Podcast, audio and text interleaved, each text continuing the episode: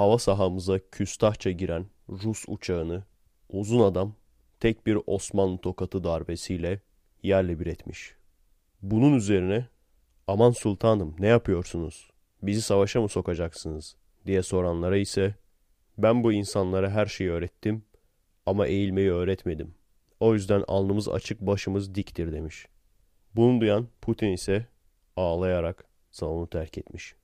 Ve işte bu uzun adamın adı da Recep Albert Einstein'mış. Merhaba arkadaşlar. Nasılsınız? Keyifler nasıl?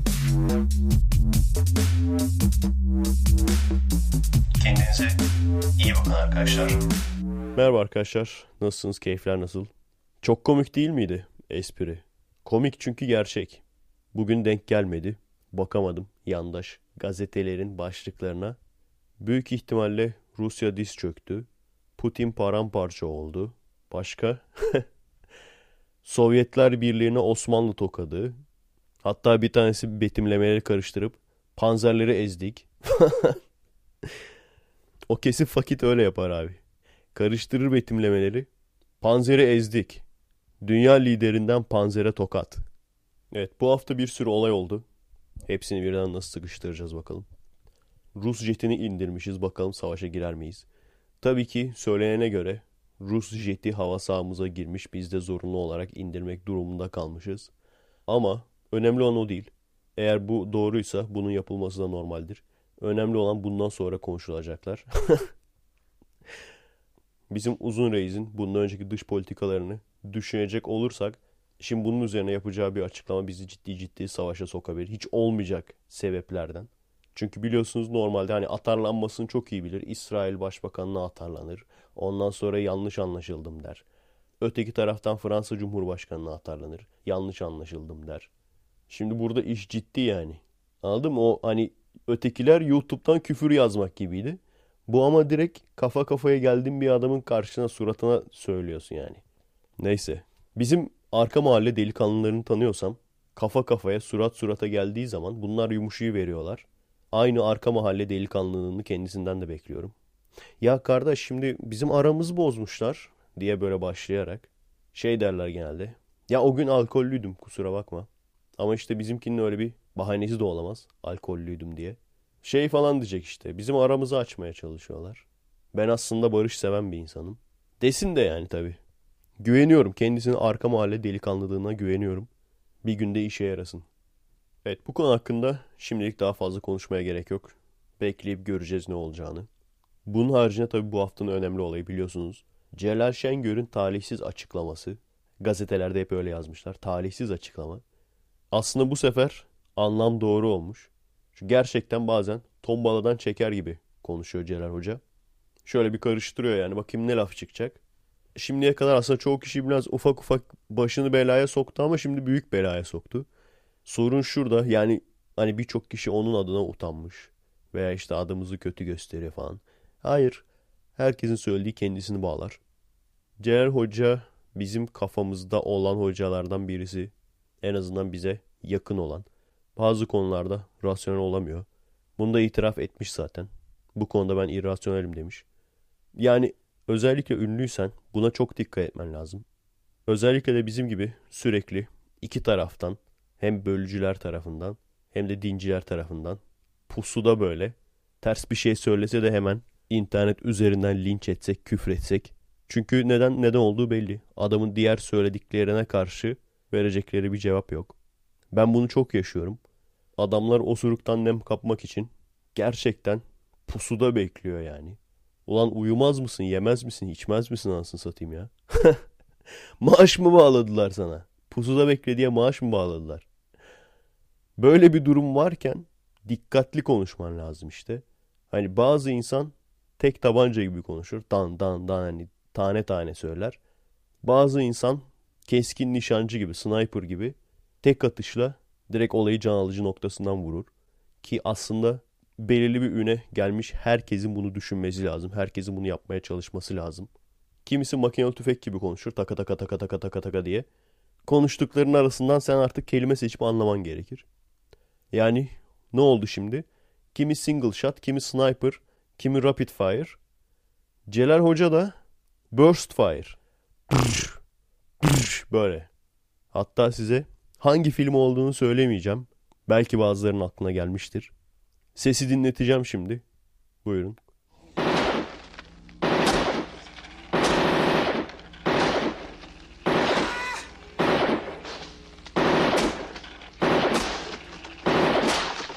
Evet hangi filmden bu? Kimin silahı? Bilenler 80'lerin kral çocuğudur. Kardeşimsiniz. Evet Robocop'un silahı tabii ki. Celal Hoca Robocop'un silahı gibi konuşuyor maalesef. Bir seferde böyle burst atıyor yani. Sen onların içinden laf seçmeye çalışıyorsun ondan sonra.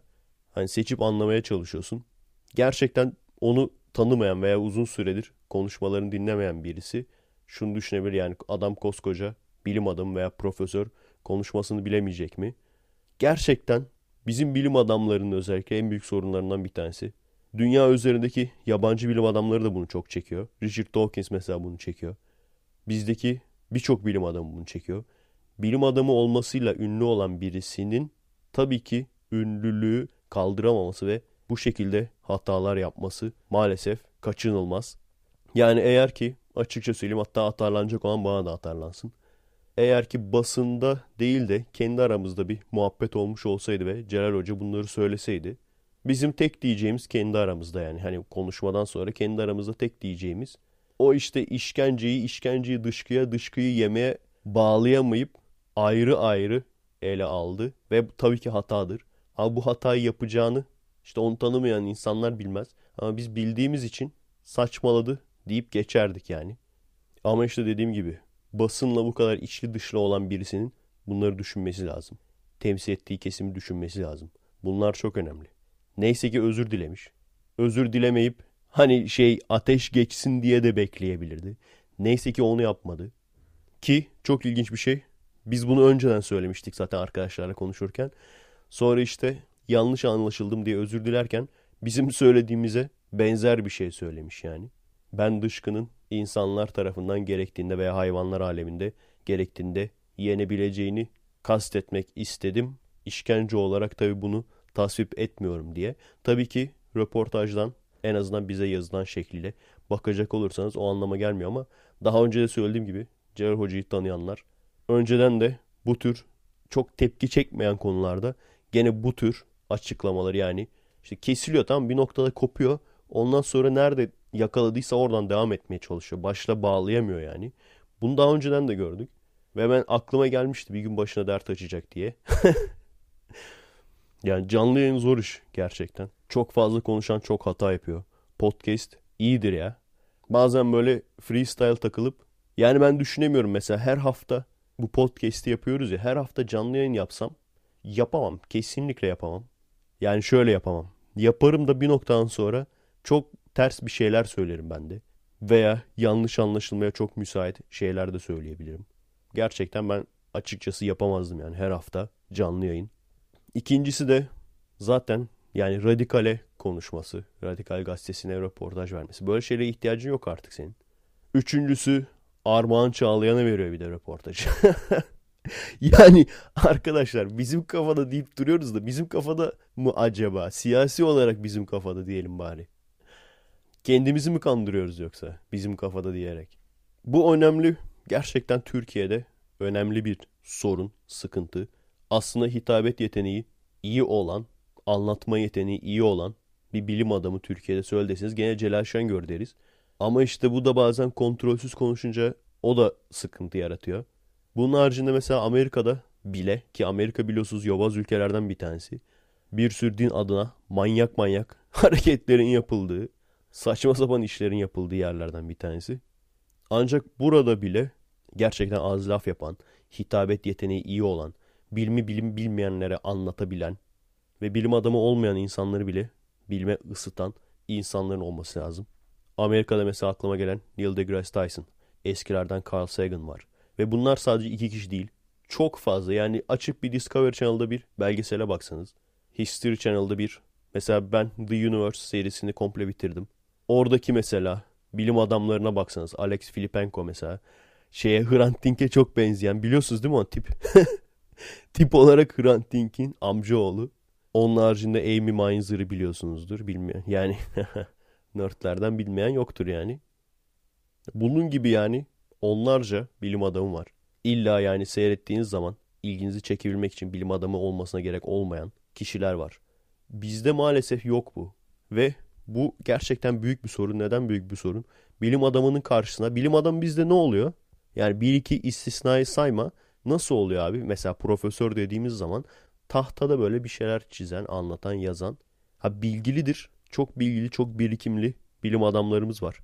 İletişim konusunda çok başarılı olamıyorlar işte. En azından bizim televizyonda gördüklerimiz bu şekilde. E öyle olunca da ağzı çok iyi laf yapan işte bilimsel din, başka neydi işte kuantum ilminin gizemleri falan, huzur ve irfan. bu tür insanlar ağzı daha iyi laf yaptığı için çünkü bunlarda çok daha iyi para dönüyor. Bunlarda çok daha iyi para döndüğü için de ikna kabiliyeti iyi olan insanları alıyorlar. Bir de böyle eğitiyorlar bazılarını falan. Ne olacak ki? Yani şeyi düşünün. Gene askerde örnek vereceğim. Bilmiyorum sıkıldınız mı? Üniversite mezunlarını bir tarafa koymuşlardı bizde. Ve işte yüz küsür falan üniversite mezunuyduk biz. Hepsi çavuş olacak. Kısa dönem. İnanamıyorsun ya. Üniversite mezunu adamların ne kadar cahil olabileceğini inanamıyorsun. Ve bunu gördüm. Bundan çok daha fazla hayatında fizik dersinin hiç daha başlangıcını bile görmemiş insanlar var. E şimdi bu adama çıkıp da tamam mı böyle az güzel laf yapan, diksiyonu düzgün, bilmem ne takım elbiseli falan. Bir adam çıkıp da böyle işte deyince atomun içinden ayetel kürsi çıktı falan deyince abartıyorum mu sana? Bunu ciddi ciddi yapalım isterseniz arkadaşlar. Bir tane böyle ilmi mucizeler türü bir site veya bir Facebook sayfası. Girelim orada paylaşım yapalım. Aynen bu söylediğimi. Atom parçalayan bilim adamları içinden ayetel kürsiyi buldu diye. Bak bu kadar tamam mı? Hiç açıklama falan yapmaya da gerek yok. Kaç kişi paylaşır bunu? Binlerce. Binlerce kişi paylaşır. Paylaşmayı geçtim. Bir sürü insan da döner dolaşır tekrar bize mesaj atar bunu. Salak ateistler bakın Japon bilim adamları ne buldu diye. O yüzden hitabet yeteneği olan, insanlarla iletişim kurabilen bilim adamlarımızın olması yani bunlar altın değerinde. Çok önemli. Ve o yüzden de bu insanların evet sırtında çok büyük bir yük var ama işte bunu kaldırmak zorundalar yani. Başa gelen çekilir. Büyük güç büyük sorumluluk ister. Bak işte hemen çıktılar. İşte ateistlerin ahlaksızlığını görüyorsunuz. Ateistler dışkı yermiş. Yani bunu söyleyen öyle isimsiz birisi değil. Okula gitmemiş, okumamış, cahil bir adam değil yani veya herhangi sıradan bir insan değil. O az önce belirttiğim türden kitapları yazıp malı götüren cahil insanlara boş umutlar, ümitler verir. Bakın bilim de bunu kanıtlıyor. Size öldükten sonra, ödülünüzü öldükten sonra alacaksınız. Bunu söyleyen insanlar. Hani o bol reytingli kanallara çıkan, böyle az reytingli kanallara çıkmayan yani bol reytingli kanallara çıkıp kitaplarını falan tanıtan böyle. O tür insanlar. E şimdi insanlar diyorum ama kusura bakmayın insanlara hakaret etmiş oldum. Ben sorayım sen insan mısın kardeşim? Önce bunu sormak lazım. İnsan diyoruz ama ağız alışkanlığı. Veya şunu sorayım. Bunu söyleyen yani bakın işte ateistler dışkı yiyormuş diyen insanlara şunu soralım. O bahsedilen dışkı yedirme işkencesini hangi dine mensup insan yaptı? Bir söyler misin? Başka bir şey söyleme bak. Yani sen diyorsun ya bu açıklamayı yapan insan ateist. Dolayısıyla ateistler böyledir. Ben de sana soruyorum ki bak tekrar soruyorum. Hiç lafı dolandırma. Bu bahsi geçen dışkı işkencesini yapan kişilerin dini. Bana bunu söyle. Diğer kesime de biliyorsunuz çünkü iki kesim atarlandı. Bir sağ tarikat bir sol tarikat atarlandı. Sol tarikata şunu soruyorum. Bizzat biliyorsunuz bizim dışkıcı reisimiz var. Bunu dışkıyı insanın kafasına atma olayını, kafasından aşağıya dışkı dökme olayını bizzat yapan birisi var. Biliyorsunuz değil mi kim olduğunu? Şu anda siz onu ne diye koruyorsunuz? Ben defalarca göre söylüyorum. Ne diye koruyorsunuz? Aman işte hayatında yapmış bir hata siz yazdığı kitaplara bakın. Bunu diyorsun. Yanlış mıyım? Ya kadının kafasına bok attı, dışkı attı. Nasıl bir akli denge bozukluğudur bu? Bu bir akli denge bozukluğudur. Sen bunu diyorsun ki ya bir kere hayatında yapmış. Hayır. Bir kere hayatında yapmış değil. Kim bilir daha önce neler yaptı. Bir seferde olacak bir olaydı değil bu. Medyaya yansıyan budur. Her neyse önemli değil. Bir kere hayatında bir hata yapmış. Önemli olan işte yazdığı kitaplar. Tamam. Korumak için söylemiyorum. Kesinlikle de korumuyorum. Çünkü söylediği laflar kendini bağlar. Ben çok daha önceki konuşmalarında da düşündüm zaten. Yani bu şekilde konuşmaya devam ederse kendi başını derde sokacak. Bunu da söyledim kendi kendime veya arkadaşlara. Bunu yapmaması lazımdı. Büyük hata yaptı.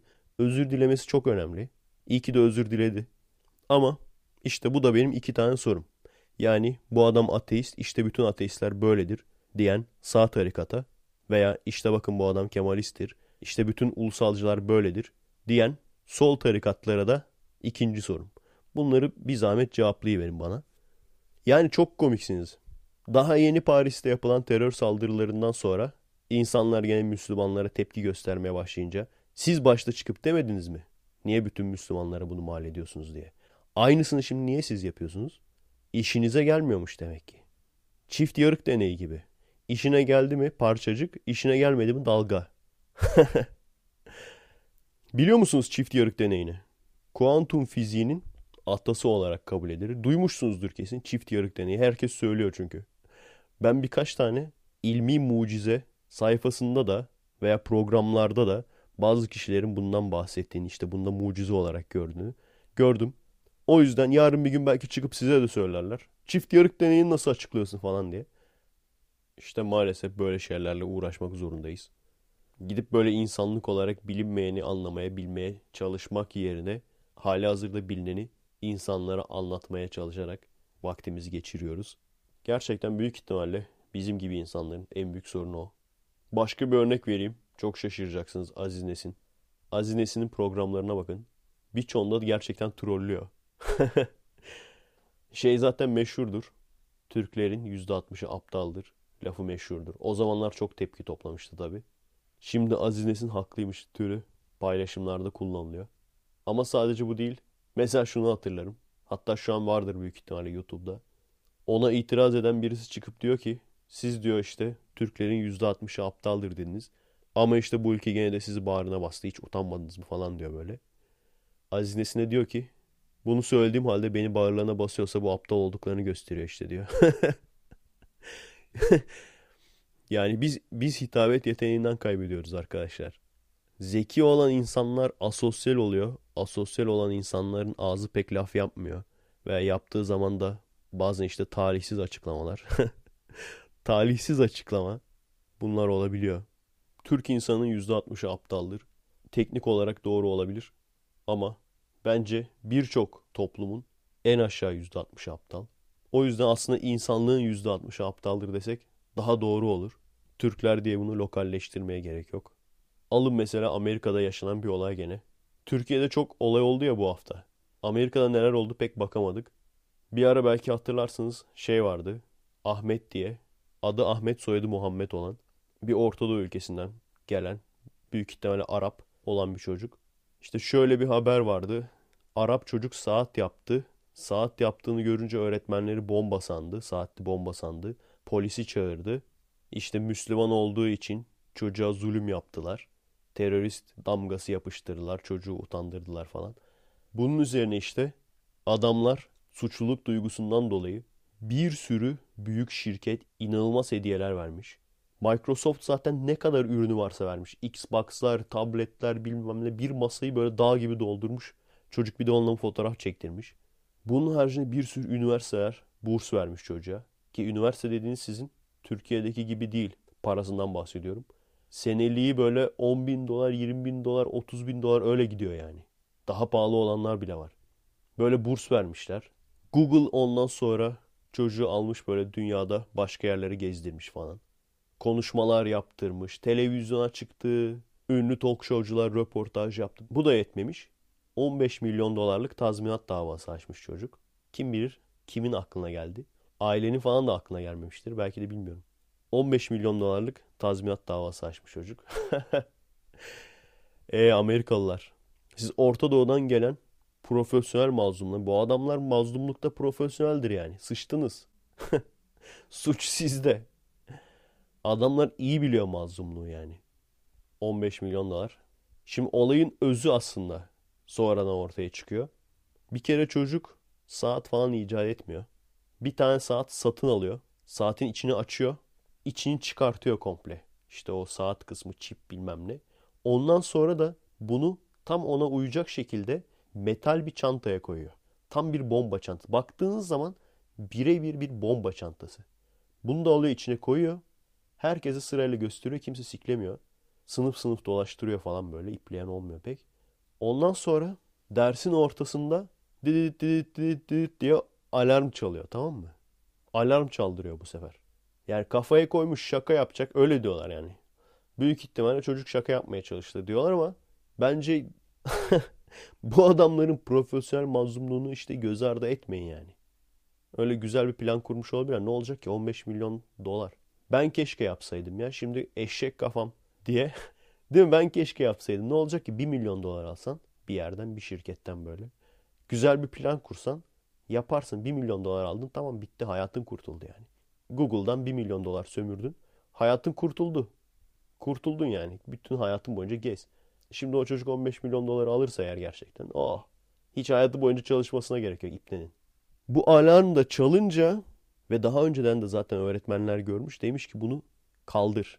Bir yere koy. Çünkü çocuğu tanıyorlar. Böyle bir şey yapmayacağını da düşünüyorlar. Bombacı olduğunu sanmıyorlar zaten. Bunu kaldır diyorlar. Şüpheli bir görüntüsü var. Çocuğun tabii istediyor. Her neyse bu alarm falan çalınca dersin ortasında. Hoca alıyor bombayı. Saati yani. Ve zorunlu olarak müdüre götürüyor. Müdüre götürmek zorunda. Amerika'da yaşıyorsanız, Amerika'da çalışıyorsanız bunu biliyorsunuzdur. Böyle bir şey yapmama şansı yok. Çünkü görüntü olarak bu kadar bombaya benzeyen bir şeyi bomba olmadığını bildiğin halde götürmek zorundasın. Bunu müdüre götürüyor. Müdür de tabii o da zorunlu olarak polisi çağırıyor. Bakması için, incelemesi için. Yani bunları yapmak zorundalar. Eğer ki yapmazlarsa işten atılırlar. Ve polis de ifadesini alıyor çocuğun. İşte bunu neden yaptın falan diye. Maalesef bu da aslında saçma bir prosedür ama Amerika'nın kaç kere bombalandığını düşünecek olursanız evet gerçekten en ufak şeyde bile. Yani şöyle diyeyim. Çocuk diyelim ayağı takıldı düştü kafasını çarptı. Çok ufak bir böyle kanadı tamam mı? Kafasının kenarı çok hafiften kanadı. Rapor tutmak zorundasın. Çünkü çocuk bir okuldan başka okula gidiyor, o okuldan gidiyor, başka kreşe gidiyor, oradan çıkıyor. Otobüse mesela okul otobüsüne biniyor. Gördüğün anda bunu işte fotoğrafını falan çekip raporlamak zorundasın. Eğer ki bunu yapmazsan sen zan altında kalıyorsun. Hani sanki senin öğretmenleri dövdü. Bunu saklıyorlar gibi oluyor. Yapmak zorundasın yani. En ufak şeylerde bile. Bizdeki gibi değil yani. Eti senin kemiği benim durumu da yok yani. Ve ondan sonra da işte medya, Amerika'nın mal medyası direkt Müslüman olduğu için çocuğa terörist muamelesi yaptılar. Çocuk aslında saat icat etmişti. Saat icat eden çocuğa siktirsine yalan tabi. Ve ne olacak şimdi? Vergi verenlerin cebinden 15 milyon dolar. Bir sürü daha da para gitmiş. Bu çocuğa gidecek hayatı kurtuldu işte. Gerçekten öyle. Amerika'da kafanız çalışıyorsa biraz kurnazsanız ciddi ciddi bulabiliyorsunuz yani böyle. Hayatınızın geri kalanını geçirebilecek kadar bir dava açmayı, bir yere böyle dava açmayı bulabilirsiniz yani. Alın bunu yapın mesela. Bunun aynısını yapın. İşte bu olayın iç yüzünü anlatan bir takip ettiğim birisi vardı Amerika'dan. Ben de oraya yorum olarak yazdım. Büyük ihtimalle o da işe yaramasaydı çocuk bu sefer kendi üzerine bağlayacaktı saati. Dersin ortasında Allahu Ekber diye bağıracaktı böyle. Ondan sonra düşünsenize. Dinimi yaşamaya çalıştığım için bana terörist muamelesi yaptılar falan diye. İşte bu gibi şeyler gerçekten Amerika'da kalmadığına insanı sevindiriyor. Tabii ki genel olarak düşünecek olursak hani hiç onun muhabbetine girmeyin abi Türkiye'de şöyle kötülük var falan. Biliyorum farkındayım. Hiç onun muhabbetine girmeyin. Türkiye Amerika'dan daha iyi demiyorum. Öyle bir iddiam da yok. Ama işte böyle salaklıkları görünce çok da özlemiyorum yani. Geçen haftaki ceviz kavuğunu seyrettiniz mi? Biliyorsunuz birkaç haftadır en azından benim gördüklerim hep dinle ilgili insanları çıkartıyor. Bir kişi bana mesaj attı. Dedi ki abi ulusal kanalı aç. Hulki Cevizoğlu ateist oldu galiba falan diye. ulusal kanalı açtığımda gerçekten değişik bir adam vardı yayında. Sonra hatta YouTube'da kanalını buldum. Davut Dağ diye. İlahiyatçı yazar yazıyordu. Ee, ilahiyat terkmiş. Çok ilginç. Çünkü söyledikleri doğru. Dinle ilgili. Din tarihiyle ilgili. Söyledikleri hep benim de yani merak edip de araştırdığım zaman ben de aynı sonuçlara varıyordum. Gerçekten Söyledikleri doğru adama da soruyorlar zaten. Senin inancın nedir? İnanç türün nedir diye. O da fideist diye ilk defa ben duydum onu. Fideist. Kanıt olmadan inanmakmış. Yani fideist olarak Müslümanım dedi. Ve aynı zamanda ilahiyatçı. Gerçekten ilginç bir karışım. Bayağı söyledikleri şeyi şaşırtıyordu. Yani o programa ben de çıksaydım bana gerek kalmayacaktı. yani gerçekten yani bir ateist çıksaydı ateistin hiçbir şey söylemesine gerek kalmayacaktı programda. İşte neler demişti. Tanrı sınırlı olabilir dedi. Hatta bazı şeyleri sordu işte. Komik diye. Hazreti İbrahim'in gerçekte var olup olmadığı kesin değildir falan dedi. Ki doğru. Büyük ihtimalle yok. Hatta şu eski ahit özellikle oradaki kahramanların birçoğu hayal kahramanı olması lazım. Yani İbrahim, Davut, Süleyman, İsa, Musa. Bildiğim kadarıyla bunların hiçbiri gerçek değil. Ve tabi orada anlatılan olayların da birçoğu hemen hemen hiçbiri yani eski ahitte anlatılan olayların tarihi diğer kaynaklarda bulabileceğiniz şeyler değil. Ama yeni ahitte sanırım gerçekte var olan savaşlardan da bahsedilmiş. Tabi içine biraz sihir büyü katılarak biraz Yüzüklerin Efendisi moduna getirilerek gerçekte var olan savaşlardan da bahsedilmiş diyorlar. Ben daha yeni ahite hala gelemedim. Bunun haricinde çok basit sorular sordu aslında. Hani ağzı laf yapan, demagojiden anlayan birisinin geçiştirebileceği şeyler sordu. Ama adam gerçekten bunları yapmak yerine dürüstçe cevap verdi. O yüzden gerçekten takdir ettim. Yani büyük ihtimalle benim gördüğüm en dürüst ilahiyatçı olabilir. Bir ara mesela Yaşar Nuri Hoca İslam konusunda çok katıydı. Şeyi hatırlıyorum. İslam'da şiddet vardır. Çünkü işte fetihler savaşarak olmuştur diyen ama kendisi de Müslüman olan birisine bayağı bir atarlanmıştı telefonla. Gene ceviz kabuğundaydı. O zamanlar Hulki Cevizoğlu da daha çok Müslümanların tarafındaydı. Şu anda çok net fikir değiştirdiğini görüyorum. Yani biraz fikirleri değişmiş. Ve zaten Yaşar Hoca'nın da yavaş yavaş biliyorsunuz deizme kaydını görüyoruz. Ha neyi sordu? Şey dedi. Neden dedi mesela bu peygamberler sadece Orta Doğu'ya geldi? Hani dünyanın geri kalanına niye gelmedi? Öyle bir şey sordu. Hoca da yani bu ilahiyatçı hocadan bahsediyorum. O da gayet dürüstçe evet bu sıkıntı bizim için. Bunun gibi bazı sıkıntılar var dedi. Öyle. Tabii gerçek cevabı biliyoruz. Çünkü o zamanlar oradaki insanlar dünyanın ne kadar büyük olduğunu bilmiyorlardı. Hani her topluma bir uyarıcı geldi falan derken tabii ki Avustralya'nın veya kutupların veya Japonya'nın ne olduğunu bilmedikleri için veya Amerika kıtasının ne olduğunu bilmedikleri için orayı dünya olarak henüz görmüyorlardı. O yüzden cevap bu yani. O yüzden yani açık açık da söyledi. Dedi işte bir sürü kanıt olduğu iddia edilir. Biliyorsunuz o din dersin hatta siz benden iyi biliyorsunuzdur onları. Hudus delili falan öyle şeyler var ya. Aslında benim de onları bir göz gezdirmem lazım değil mi? Ben sadece bir iki tanesini biliyorum onun. Onu da yine liseye giden arkadaşlar. Ben benim zamanımda yok muydu ya? Bizim din dersimizde yok muydu o hudus delili bilmem ne delili? İşte şey değil mi onlar?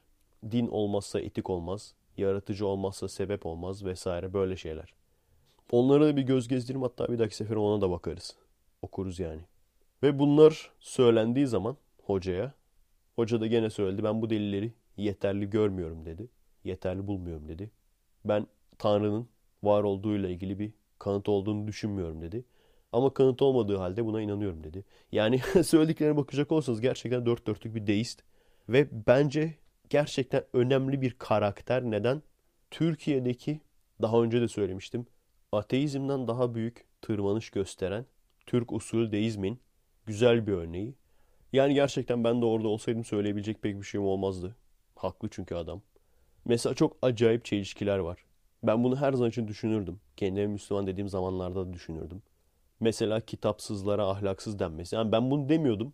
Hatta duyduğum zaman da beni rahatsız ediyordu açıkçası. Çünkü şöyle düşünüyordum. Büyük ihtimalle dinsiz olmayan insanlar da bunu düşünüyordur. Yani kafası çalışan birçok kişi bunu düşünüyordur. Buna eminim. Biri çıkıp şunu dediği zaman ateistler ahlaksızdır çünkü takip ettikleri bir kitap yok.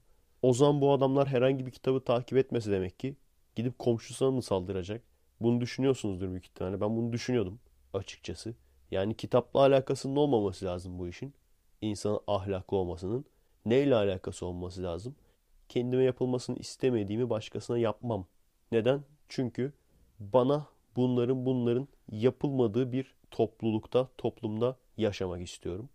O yüzden de ben de bunu başkasına yapmıyorum. Ve tabii ki bu düşüncenin uzun vadede insanların hayat kalitesini arttıracağını bildiğimiz için. Başka bir çelişki mesela çok acayip gelen bana. Mesela ayet arama veya ayetlerde kelime arama yapabileceğiniz siteler var. Buralara girip mesela yıldırım kelimesini arattığınız zaman neredeyse tamamı, belki de tamamıdır. İnanmayanları yıldırım yollanması ile ilgili. Yani en azından şöyle bir 7-8 yerde geçmiş belki daha fazla bile olabilir. Her seferinde inanmayanlara yıldırım yollamak. Veya işte bir tane hatırlıyorum. Kanıt sorduğunuzda biz size yıldırım yollamadık mı diyordu. Başlarda bakar olması lazım. Ve bu kadar net bir şekilde yıldırımların imansızlara ceza olduğu anlatılmasına rağmen şu anda en çok paratoner hangi yapıda vardır? Türkiye'de mesela en çok paratoner bulunan yapı hangisidir? Yani büyük ihtimalle bunu düşünmemişsinizdir belki. Ve yıldırımla ilgili bu kadar çok ayet olmasa veya hiçbir ayet olmasa çok da önemli bir detay olmaz. Ama bu kadar çok yıldırımdan bahsedip her seferinde de işte imansızlara, inanmayanlara veya ayetlere yüz çevirenlere yıldırım yollanacağı söylendiğinde çünkü neden o zamanlar yıldırımın ne olduğu bilinmiyormuş. İnsanlar bakıp bakıp korkuyormuş. O yüzden bunu söyleyen kişi de demiş ki işte bakın şu yıldırım imansızları çarpıyor. Siz de imansız olursanız siz de yıldırım çarpar. Filanca filanca zamanda şu kişi işte ayetlere yüz çevirmiş onu çarpmış yıldırım. Bu şekilde kullanılıyormuş. Gerçekten bu kadar sene sonra en çok paratonerin camilerde olması ilginç bir ironi diyelim. Hatta en ilginç ironilerden bir tanesi dinle ilgili olan. Bunun haricinde mesela çelişen ayet olmadığının iddia edilmesi. Ancak hani bunu iddia eden kişiler çelişen ayet gösterildiği zaman bir tanesinin anlamının aslında o şekilde olmadığını söylerler veya topluma alıştırıla alıştırıla söylenmiş. Mesela şeyi bilmiyorsunuzdur belki. İçki içmenin yasak olduğu ayet var. Ama ondan önce içkiliyken namaz kılmayın. Ayılana kadar namaz kılmayın diye ayet var. Bunu ben sormuştum. Cevap olarak da işte toplumu alıştıra alıştıra içkiden uzaklaştırmak için demişlerdi. Hadi bunlar tamam bunların hepsini açıklama bulursun. Şu çok değişik. Ayetlerden birinin yerine onun hükmünü değiştirecek olan başka ayet getirebiliriz diye de ayet var. E böyle bir ayet olduktan sonra nasıl çelişki yok diyorsun ki? Veya acaba onu mu gösteriyorlar? Çelişki yok çünkü bak böyle bir şey demiş zaten. Belki de onu gösteriyorlardır. Şimdi de seyircinin istediğini verelim. ben seyircimin bilirim. Çünkü ben de aynı şekildeyim. En hoşunuza gidecek bölüm bu olacak. Ünlülere atarlanma bölümü. Cem Yılmaz'ın yeni filmi çıktı biliyorsunuz. Ali Baba ve Yedi Cüceler. Özellikle mesela bir önceki filmi pek yakındaydı. Biraz Cem Yılmaz türü dram içeriyordu ama baktığınız zaman prodüksiyon olarak kalitesi iyiydi. Ve gerçekten bir sonraki çıkacak filmin çok iyi olacağını bence müjdeliyordu. Ve işte hani yıl olmuş 2015. Cem Yılmaz da artık almış yürümüş şu anda artık para sıkıntısı, imkan sıkıntısı olduğunu sanmıyorum. Hatta şu an durup bir düşünecek olursanız Türkiye'de filmcilerin içinde imkanı en iyi olan filmci şu anda Cem Yılmaz diyebiliriz. En iyi filmci demiyorum. İmkanı en iyi filmci diyorum. Yani film çekme imkanları. Gerçi zaten para var, imkan var değil mi? Başka ne olacak ki param varsa imkanım var. O yüzden gerçekten bu sefer diyordum ki yani adam tamam bu sefer artık Hollywood filmi çekecek. En azından çok sağlam prodüksiyonlu, gerçekten yabancı filmlerle kafa kafaya gelebilecek bir film çekecek. Ve o heyecanla fragmanı seyrettim. Ve fragmandan gördüğüm yine bir Cem Yılmaz filmi. Film iyi ya da kötü demeyeceğim çünkü daha seyretmedim. Seyretmiyorsan nasıl yorum yapabilirsin diyebilirsiniz yaparım. Çünkü ben Cem Yılmaz'dan çok iyi bir şey bekliyordum artık. Tercih kendi tercihi tabii. Ama yani onun gibi paraya ihtiyacı olmayan birinin artık idealist olacağını düşünüyorum. Hatta yani şeyleri falan da düşünün. İşte bu Water Diviner'da falan da oynadı ya. Yabancı filmlerde falan oynuyor adam. Kaliteli filmlerde oynuyor. Daha sonra Av Mevsimi gibi filmlerde oynadı. O yüzden diyordum ki artık bu adam yani aştı. Bunun çektiği film inanılmaz olacak. Ama maalesef Şahan'a özendi. Birkaç sene önce Şahan çıkıp da ben Cem Yılmaz'dan daha büyüğüm gibi bir şey söylemişti. Veya daha komiyim mi demişti. Onunla dalga geçmiştik. Ama işin ilginç yanı şimdi Cem Yılmaz yavaş yavaş Şahan'ın formülünü kullanmaya çalışıyor. Hani ünlü komedyenler, şu anki ünlü komedyenler arka arkaya komedi filmi çekerler. Karakterler aslında isimleri farklıdır ama karakter olarak aynıdır. Cem Yılmaz'da da bunu görüyoruz. Gene Arif'in maceraları olmuş. Dediğim gibi beğenebilirsiniz, beğenmeyebilirsiniz. Ben çok büyük ihtimalle filmi seyrettikten sonra da Bu görüşüm değişmeyecek. Yani sevenlere de hak veriyorum. Cem Yılmaz'dan çok fazla bir şey beklemeyenler. Beğenmeyenlere de hak veriyorum. Ama benim için gerçekten büyük hayal kırıklığı. Çünkü Cem Yılmaz'dan artık gerçekten çok büyük şeyler beklerdim. Son dönemlerde ne oluyor Cem Yılmaz'a anlamış değilim. Yani biz bakın senelerdir rakipsiz olarak aktif olan komedyenlerin içinde en komik olan Cem Yılmaz diyorduk. Ve komiklik zeka belirtisidir. Ve adam ne bileyim böyle hani zeki şeylerle ilgili de espri yapıyordu. Gauss'la falan ilgili de espri yapıyordu. Yani zeki bir adam. Oyunculuğu desen o da iyi. Ciddi rollerde de oynayabiliyor. Son dönemlerde iyice artık ilah konumuna çıkması gerekirken gittikçe düşüyor. Anlam veremiyorum. Bir ara Vine'cılarla laf dalaşına girdi Twitter'da. Bir ara gitti mesela 3 Adam diye program var biliyorsunuz. Orada böyle saçma sapan bir skeç çekmişler. Onu falan seyrediyor kahkahalarla gülüyor falan. Hani adamı parayla mı güldürüyorlar anlamış değilim. O kadar komik esprileri yapabilen adam böyle saçma sapan şeylere nasıl gülebiliyor? Komedi filmleri çektiği zaman komedi filmleri her zaman için yerlerde sürünüyor. Stand-up'larının yanına bile yaklaşamıyor. Dediğim gibi yani be, bakın beğenen olabilir. Ben stand-up'larıyla karşılaştırdığım için kötü buluyorum. Ve en son gene çok acayip bir hareket yaptı. Filmini beğenenleri retweetlemeye başladı. Olacak iş mi? Yani Şahan bunu yapıyor diye biz dalga geçiyorduk. Çünkü Celal'le Ceren herkesin nefret ettiği bir filmdi. İnsanların sevdiğini göstermek için de beğendiğini söyleyen insanları RT'liyordu. O kadar anlamsız bir şey ki bu. Neden biliyor musun? Kaç kişiyi RT'leyebilirsin? 100 kişiyi RT'le. 500 kişiyi RT'le. 500, hadi 500 tane seven çıksın. Dünyanın en boktan filmini bile 500 tane seven çıkar zaten. Senin orada 100 kişiyi, 200 kişiyi RT'lemen hiçbir anlam taşımaz. Ve bunun sonrasında da zaten onu takip eden insanlar da sürekli saçma sapan retweet görmekten bıktıkları için takibi de bırakmışlar. Bir ara kendisiyle dalga geçmek için karikatür kitabının arkasına ve evet karikatür kitaplarını da alıp okuyan bir insanım. Karikatür kitabının arkasına bütün karikatürlerini velisine çizdirmiştir.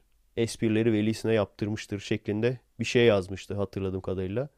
Şimdi insan düşünüyor acaba stand-up esprilerini de velisine mi yazdırdı? Çünkü stand-up'larının haricindeki diğer işlerine bakacak olursanız gerçekten diyorsunuz ki bu adam o zamanlar tam tersini söylüyorduk. Yani bu stand-up'ları yapan adam bu hareketleri nasıl yapabilir? Şimdi artık tam tersini düşünmeye başladım yavaş yavaş. Bu hareketleri yapan adam bu stand-up'ları nasıl yazmış olabilir diye. Acaba harbiden parayla birine mi yazdırıyor? Ben bir ara Şahin abiye yazmıştım Şahin Kaya. Rica etmişti. Öyle parasız. İşte dedi bir teklif var. Stand-up için teklif geldi demişti. Bana bir şeyler yazabilir misin demişti. Bayağı uzun bir şeyler yazmıştım. Bayağı da hoşuna gitmişti. Bu kıyağını unutmam ben de seni görürüm falan dedi ama sormaya korktum abi nasıl görürsün beni falan. Yani görürsün de ne anlamda görürsün. Sonra maalesef anlaşamamışlar mekanla veya bir anlaşmazlık mı olmuş ne olmuş. Yalan oldu. Ama yani ileride görürseniz eğer stand-up'a falan çıktığını benim esprilerimi, benim yazdığım esprileri söylüyor olabilir. Evet, fragmanını seyrettiğim filmden kendisini seyrettiğim filme geçelim. Bu arada unutmadan söyleyeyim. Uzun süreli zaten yapmayı düşünüyordum. Şimdi bir arkadaş da tavsiye istedi. IMDB'de kendi favori filmlerimin listesini yapacağım. Biliyorsunuz orada İngilizce olması lazım. O yüzden FI Dolls Favorite Top 10. Favorite demem canım. Top 10 Comedy Films. Top 10 Horror Thriller Films türü top 10'lar yapacağım. Oradakileri onar onar komple seyredebilirsiniz. Eğer unutmaz isem büyük ihtimalle siz bunu dinlediğinizde henüz tamamlanmış olmayacak. Onları da yaptıkça gene Twitter'dan paylaşırım. En son seyrettiğim film Mockingjay Part 1. Çünkü biliyorsunuz sayıları Türkçe söyleriz. Birinci filmle ikinci filmi beğenmiştim. Üçüncü film gerçekten zorlama geldi bana. Şu bakımdan. Her zaman için hani son kitabı iki bölüm yaparlar ya illaki. Bunu da aynı şekilde hani madem son kitap iki filme bölelim düşüncesiyle yapmışlar. O yüzden çok fazla gereksiz uzatma vardı. Yani tamamen bir ikinci filme hazırlama filmi. Bu kadar. Başka bir şey yok yani. İkincisi de tabii ki film ilerlediği için yani üçüncü bölüm olduğu için artık şu devrimcilik mesajları çok daha fazla ön plana çıkmış aksiyon görüntülerindense ve gerçekten zorlama olmuş. Yani o kadar belli ki hani Amerika'da yaşayan ve isyankar yaşlarında olan 15-16 yaşındaki isyankar genç kızlar hani babasına veya annesine tepki olarak böyle bad boy kötü çocuklarla falan çıkarlar ya ailesini cezalandırmak için. Veya işte ailem çok disiplinli beni anlamıyor ama işte hayrullah veya onlarda Jerome mu oluyor bad boy bad boy adı. Jerome beni anlıyor diyerek tam o yaştaki böyle isyankar sadece yaşlarından kaynaklanan bir isyankarlık yoksa hani Kuzey Kore'de falan yaşadıkları veya şeriat ülkesinde yaşadıkları için değil yani veya çocuk işçi olarak çalıştırıldıkları için değil. O kişilere hitap eden çok fazla bu şekilde baskıcı bir rejimin altında yaşamamış birisinin yazdığını tahmin ediyorum. Eğer gerçekten baskıcı bir rejimin altında yaşayarak bunları yazdıysa kötü yazmış açıkçası. Dediğim gibi film için kötü zaten diyemeyiz. Çünkü yaş olarak bize hitap etmiyor. Bu üçüncü bölümde bunu çok net fark ettim yani. ilk iki bölümü beğenmiştim. İşte çok mantıksızca insanlarına baskı uygulayan biri. Yani batması lazım o ülkenin. Paramparça olması lazım. Hani bu klasik şey vardır ya gençliğin öfkesi falan. Onun gibi. Bu arada Star Wars 6. bölümü seyrettik tekrar. Garip bir şey dikkatimi çekti. Jedi her zaman için diyor ki öfkenle savaş. Sith Lord'u da diyor ki öfkeni serbest bırak. Abicim anger management diye bir şey var. Sith Lord'un dediği çok daha doğru. Öfkeni serbest bırakman lazım. Yani çok öfkelisin, çok sinirlisin. İşte onunla savaşayım, barışayım, yok sayayım. Hayır. Sen bak Jedi'in dediğini yaparsan bir sene iki seneye kalmaz sapık katil olursun abi. Bir anda böyle bir yerden patlar. Ya bombacı mülayim olursun ya da böyle kundakçı falan veya seri katil veya bıçağı alırsın önüne gelen saplamaya çalışırsın. Hayır abicim öfkenle savaş diye bir şey yok. Sith Lord'u doğru söylüyor. Release your anger. Ama nasıl olacak o iş? Bir yere aktaracaksın işte o öfkeni. Ben Aikido'ya aktarıyorum. Başka şeye de aktarmak isteyen vardır. Ama gerçekten Aikido'ya başlamadan önce çok daha agresif ve öfkeli bir insandım. Tabi yaştan da kaynaklanıyor ama Aikido'nun da çok büyük etkisi var. Hatta gitmediğim zamanlar gene öfkem artıyordu. Gidince daha önce de anlatmıştım ya. Yere çarpıla çarpıla sağınızı solunuzu çarpa çarp. Çünkü insanın doğasında var. İnsanın içine öfke var. Vahşi doğada hayatta kalabilmesini sağlamak için. Ama şu anda biz koşturmalı, sürekli koşman gereken, tırmanman gereken bir ortamda yaşamıyoruz. İşte sorun burada. Doğallığımızı yaşayamadığımız için o öfke birikiyor. Benim tahminim hani bir kere demiştim ya. Bu gençler neden bu yaşta bu kadar öfkeli, asi, isyankar oluyor? Cevap olarak da şunu düşünüyorum. Tabii yani genç insanların enerjisi hepimizden daha fazla ve en çok da üzerinde baskı olan, oturtulan, fazla spor yaptırılmayan kişiler de yine gençler. O yüzden bu aşırı enerjilerini yönlendirebilecek bir şey yok. Büyük ihtimalle bundan öfkeleniyorlar. Sith Lord haklı arkadaşlar. Release your anger. Kötü adam falan olmazsın. Dark Side'a geçmezsin merak etme. Olmadı Rocky gibi al bir et yumrukla abi. Hayvanlara zulüm olmasın gerçi. Sen soyadan soyadan bir et al. Soya etini yumrukla. Yani bu işte filmde Mockingjade'de şuna değinememişler mesela. Yöneten grupla isyankar grubun aslında neden bu kadar birbirini öldürecek, yok edecek noktaya gelmesini. Aslında olay şu. Bir kere daha söylemiştim ya tamamen anlayışsız baba ve isyankar evlat olayı. Yani aslında ortada belki çok ufak bir sorun var tamam mı? Bunu hep görüyorum. Belki bazılarınız da bunu yaşıyor olabilir. Ufak bir sorun var ya. Ufak bir sorun var ama çocuk acayip atarlanıyor tamam mı? Anne baba da hiç anlamak istemiyor anlayışsız. Öyle olunca ufak bir şeyi bile tamam mı bastırmaya çalışıyorlar. Oturup düşünmüyorlar bu insan ne istiyor diye. Öyle olunca da isyankar çocuk bu sefer de atarlı olduğu için daha fazla büyük bir şey yapıyor. O büyük bir şeyden dolayı anne babadan daha büyük bir ceza, daha büyük bir tepki geliyor. Daha büyük bir tepki geldiği zaman ne bileyim odandan çıkmayacaksın veya işte elinden bir şeyini alıyorlar. Ya da daha büyükse tatile gitmesine izin vermiyorlar. Bu sefer ne oluyor? Aile çok daha büyük bir şey yapmış oluyor. Bu sefer isyankar çocuk iyice sinirleniyor. Bunun karşısında başka bir şey yapmaya çalışıyor. Veya işte kaçıyor. Kaçınca aile daha sinirleniyor. Böyle olunca aslında arada çok ufak bir sürtüşme veya çok ufak bir sorun olmasına rağmen karşılıklı anlayışsızlıktan dolayı neredeyse bir kan davasına dönüyor ve bir bakmışsınız çocuk sağ tarikatların veya sol tarikatların eline düşmüş. Yani ben tabii anne baba olarak bir tecrübem olmadığı için ailelere tavsiye vermem doğru olmaz ama hocalık yaptım. Hocalıkta da aynı şey geçerlidir. Ve tabii aynı zamanda profesyonel çocuktum. o yüzden kontrolü bırakmamak için aşırı baskıcı olmak işe yaramıyor. Ve tam tersi çocuğun mutsuz olmaması için her dediğine evet demek de işe yaramıyor. Çünkü çocuktan nasılsa atalanacak bir konu bulacak. Yapmanız gereken çocuğu anlamak. Kafasının içine ne var? Bunu anlamak. Anlamaya çalışmak. Bizde de öyle. Yönetim ile yönetime isyan eden gruplar. Yönetim ısrarla anlayışsız davranmak istediği sürece hani Osmanlı tokadını vururum oturursun. Ben anlamam kardeşim dediği sürece bu kan davası bitmez. Bitirmek istiyorlar mı bu kan davasını? Ben istediklerini pek sanmıyorum. Çünkü seçimlerde bakın ne kadar faydalı oldu. Değil mi? Adamlar seçimi kazanamayacaktı neredeyse. Hemen bir çatışma çıkardılar. Ortalık karışık falan hemen yükseldi oylar. Yoksa niye bitirsin ki adamlar? Ortaya niye barış ortamı getirsinler ki? Ondan sonra bu sefer halk hizmet falan isteyecek. Yok artık. Hizmet falan yapın bana diyecek. Ulan duble yol yaptık ya. bir kısmı yıkıldı ama olsun. Hamdolsun. Fıtrat. Bu fıtratlar da en çok nedense bu coğrafyada oluyor. Dünyanın her yerinde oluyor diyor ya. Evet doğru dünyanın her yerinde oluyor ama nedense en çok bizde oluyor. Bizim buralarda yani. Bitirmek istiyor musun? En azından bakın atılacak çok büyük adımlar. Kesin biter mi bilmiyorum ama atılacak çok büyük adımlar. Bir, dışarıdan gelen ve yerel halkı kışkırtmaya çalışan batı destekli terör örgütleri. Bir bunları temizleyeceksin, temizlemek zorundasın. Ama aynı zamanda da halka inip halkın da ne istediğini soracaksın. Derdiniz ne? Ne istiyorsunuz? Evet farkındayım. Birçok grup da aslında üzüm yemek istemiyor. Bağcıyı dövmek istiyor.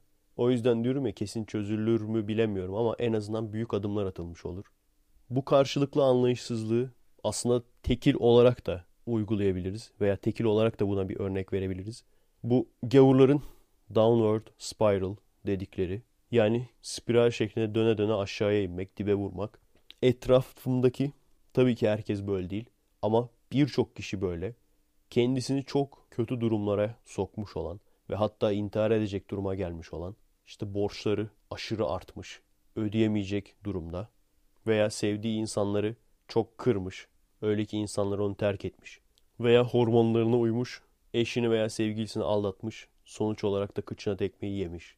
Bir sürü örnek verebilirim. Ama bu arkadaşlar gerçekten çoğu zaman etrafımda gördüğüm birçok insanda böyle. Küçük bir yanlış olarak başlıyor. Sonra onu telafi etmek için daha büyük bir yanlış. Sonra onu telafi etmek için daha büyük bir yanlış. Genelde kumar batığı dedikleri olay bu işte. Adam kumarda ufak bir para kaybediyor. Akıllanmıyor. Onu telafi edebilmek için başka bir yerden daha büyük bir para buluyor. Onunla bu sefer kumar oynamaya çalışıyor. Onu da kaptırıyor. Veya sevdiği bir insanla ufak bir tartışmayı büyüttükçe büyütüyor. En sonunda içinden çıkamayacak hale geliyor. Ufak bir tartışma yüzünden boşanıyor yani. Amerikan satranç şampiyonlarından Josh Waitzkin. Bunun muhabbetini yapmışımdır. Belki ilk bölümlerde. Yaptıysam bile tam hatırlamıyorum ama yaptıysam bile kısaca bir daha değinmek istiyorum. O da buna benzer bir şey söylerdi. İkinci hata derdi. Sizin oyununuzu bitiren ikinci hatadır. Yani ilk hatayı yaptığın zaman birçok şey de olabilir bu ya.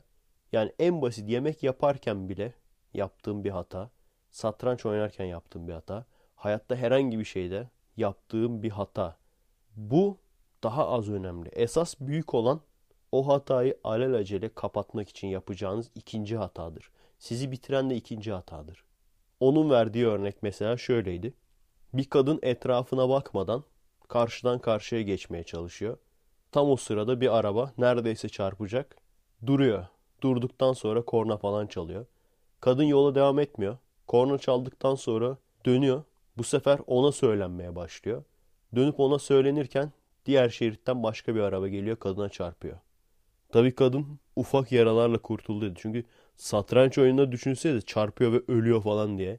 Satranç oyunu bir de yani. Hani normal hoca da değil. Oyunda böyle bir şey anlatıyor. Sen orada satranç oynamaya gelmişsin. Geçen gün de bir kadını ezdiler bizim burada. Ama olay bu. Downward spiral veya second mistake onların ikinci hata dedikleri. Bu çok önemli arkadaşlar. Hayatta herkes hata yapar. Hatayı hepimiz yaparız. Yanlış hepimiz yaparız. Hepimiz sıçarız. Ben gerçekten birçok şeyi bu second mistake ile ilgili satrançta aldığım bu öğüte borçluyum. Önemli olan hata yaptığımız zaman bu hatamızı kabul edip özür dilenecekse dilemek veya saklamaya çalışmamak, bunu söylemek ve ne yapılacaksa tahmin etmek için onu yapmak. Bunlar çok önemli. Çünkü gerçekten hortum gibi içine çekiyor insanı. Şeydir ya zaten sitcomlarda abi en nefret ettiğim bölüm çeşidi. Hatta bazı sitcomlar tamamen o konu üzerindedir. Adam küçük bir hata yapar. Ondan sonra onu telafi etmek için başka bir şey yapar daha çok sıçar. Sıvar dem değil mi? Sıvamak deniyor bizde ona. o sıvama işini yapmayacağız işte. Bak bu mesela Celal Şengör'ün konuşmasını da örnek verebiliriz. Hata yaptı hemen geri döndü düzeltti. Bu çok önemli bir şey. Şunu da yapabilirdi. O hatanın altında kalmamak için işte söylediğinin haklı olduğunu savunmaya da çalışabilirdi falan. İyice sıvayabilirdi yani. Daha sonraki bir günden bahsediyorum yani. Birkaç gün sonra özür dilemiş ya. Onu diyeceğini mesela birkaç gün sonra haklı olduğunu iddia edip bununla ilgili başka yorumlar da yapabilirdi. O zaman ne olurdu? İkinci hatayı yapmış olurdu. O zaman sıvamış olurdu. Sıvamayacaksın işte. Herkes sıçar ama önemli olan sıvamamak. Evet. Efe sözü. şimdi şimdi buldum. Mockingjade'de bir de devrimci kızlarla dalga geçmişler. Ben şimdi Türkiye'de feminist proleter platform dernekleri olsaydım direkt protesto ederdim. Çünkü Mockingjay yani başroldeki kız Katniss tam bir kezban. Devrim yapacaklar. O yüzden diyorum ya yaş olarak bizi gerçekten bayan şeyler bunlar. Kız orada devrim yapacak. Hala diyor ki sevdiğim erkek Faruk'u da kurtaralım. Lan devrim. Ana falan ne Faruk'u kurtaralım. Ondan sonra şey falan yapmayacağım devrim. Öyle falan diyor ya atarlanıyor böyle. Yapmıyorum. Faruk'u kurtarmazsak yapmıyorum. Devrim yaptığı başkana atarlanıyor. Kurtarmıyorum. Yapmıyorum devrim. Propaganda filminde falan oynatmaya çalışıyor bunu. Oynamayacağım. Ya Faruk'u kurtar. Ondan sonra başka bir tane daha erkeğe aşık. Ona aşık, ötekine aşık, bilmem ne. Kesin ikisine de elime erkek eli değmedi aşkım demiştir. Teknik olarak da doğrudur kesin. Evet. Feminist proleter platformları kolektifi. Yerinizde olsam protesto ederdim bunu. Sinemaya mesela salon içine dalın böyle millet film seyrederken sonra içeride slogan atmaya başlayın falan. Özellikle şöyle hafta içi ve tam iş çıkışı saati olan seansa denk gelirseniz İnşallah yanlışlıkla Van Damme filmine girersiniz. Sanırım yine haddinden fazla konuştum. Bitirmeden önce ufak bir konuya daha değinmek istiyorum. Komik bir şey. Biz hatırlıyor musunuz dalga geçiyorduk bin selam olsun diye. Şimdi sokakta afiş gördüm. Vatan Partisi yapmış. Atama bin selam olsun diye. Adamlar gerçekten komünist partileri trollüyorlar. Komünist veya sol partiler uç sol diyelim yani hangi sloganı kullanıyorlarsa Vatan Partisi de veya İşçi Partisi'ydi zamanında onlar. TGB. Onlar da aynı sloganları kullanıyorlar. İşte faşizme karşı omuz omuza. Faşizme karşı omuz omuza diyen ulusalcı parti mi olur? Ama bence iyi bir şey tabii. Bazı şeyler biliyorsunuz şu an artık sol bile değil uç sol örgütlerin tek elinde. Ben şeyi bekliyorum sırada. Hümanizm. Hümanizm kelimesini de kullanmaya başlayacaklar. Yaşasın hümanizm falan. İyi bir şey tabii. Ama ciddi ciddi ben hala da Doğu Perinçek'i çözebilmiş değilim. Bana soruyorlar ne düşünüyorsun hakkında diye. Gerçekten bir şey düşünemiyorum. Numara yapıyorsa yani bir sürü öyle grup var. Atatürk'ün adını kullanıp biliyorsunuz. Atatürk'ün adını kullanan dinciler de var. En son Atatürk'ün adını kullanan bölücüler de gördük. Hatta böyle Atatürk'ün resmiyle Apo'nun resmini falan yan yana koymuşlar. Hey tontonum ya Rabbim. Yani Atatürk'ün adını her şekilde kullanan grup gördük. Doğu Perinçek bir ara Apo'yla röportajı vardı. Onunla ilgili bir kitap yazdı. Açıklamasını yaptı onun. Yani değişik. Eğer numara yapıyorsa gerçekten iyi yapıyor yani. Onu söyleyeyim. En azından diğer hani belli sembolleri kullanan örgütler, gruplar vardır. Çoğunlukla çok barizdir. Çok net barizdir. Çünkü kandırdıkları insanların kafalarının çok çalışmadığına güvenirler. O yüzden dediğim gibi bir şey diyemeyeceğim. Ama ben ciddi ciddi isterdim. Böyle bir mucize olsun da bir Vatan Partisi bir başa gelsin. Biz de görelim. Merakımız giderilsin. Değil mi? Ne olduğunu anlamak için artık iktidara gelsin. İktidara geldikten sonra da daha başka bir şey. O zaman da artık numara yapmaya eğer numara yapıyorlarsa yani o zaman da numara yapmaya devam etmezler herhalde. Ben isterdim şöyle bir dönem iktidara gelsinler. Hani şey diyorlar ya Barack Obama aslında Müslüman, gizli Müslüman falan. Ulan salak. Adam Amerikan başkanı oldu. Adam gerçekten Müslüman olsaydı anlardın. Yani başkan olduktan sonra da gizleyecek değil herhalde. Tabi orada demokrasi var da gene de en azından etkisini kullanıp bir şeyler yapardı yani. Görürdük. Çünkü adam daha ne kadar yükselebilir ki yani gizli Müslüman işte gizliyor yükselebilmek için falan. E yükseldi adam Amerikan başkanı oldu. Daha ne kadar yükselecek yani. Evet bir saat dolduysa kendinize iyi bakın arkadaşlar. Adresimiz twitter.com bölü kommek youtube.com bölü kommek destek olmak isteyen arkadaşlar için patreon.com bölü Efe Aydal. Bunun haricinde tabi destek olmak isteyenler videolarımızı adblocksuz seyredebilir.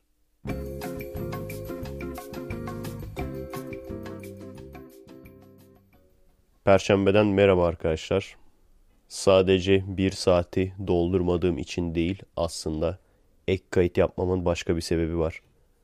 Podcastlerden dolayı videoculuk konusunda yine bir kısır döngüye girdim.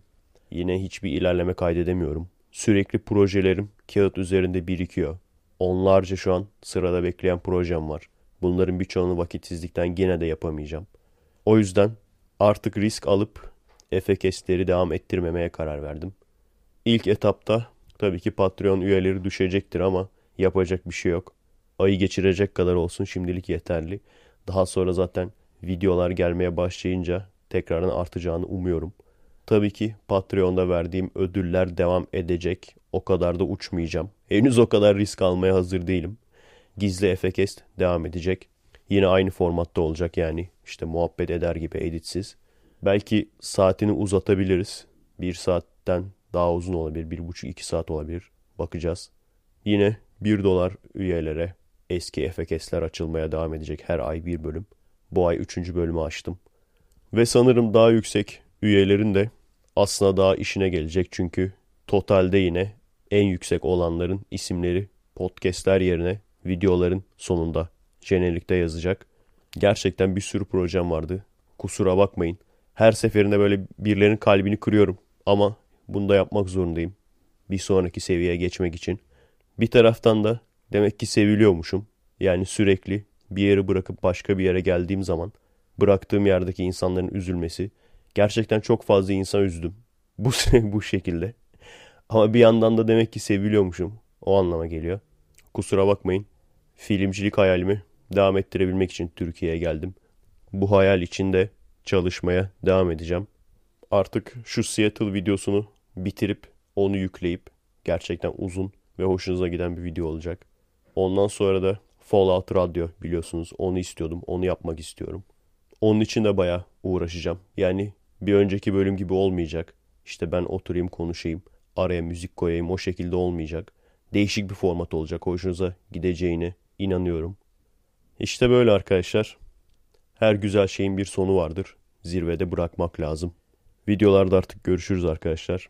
Her şey için teşekkürler. En azından bir önceki podcast serisi gibi moralim bozulduğu için bırakmıyorum. Tam tersi iyi bir şey için bırakıyorum. O yüzden o kadar da üzgün değilim açıkçası. Efekestlere emanet olun. Merhaba arkadaşlar. Nasılsınız? Keyifler nasıl? Kendinize iyi bakın arkadaşlar.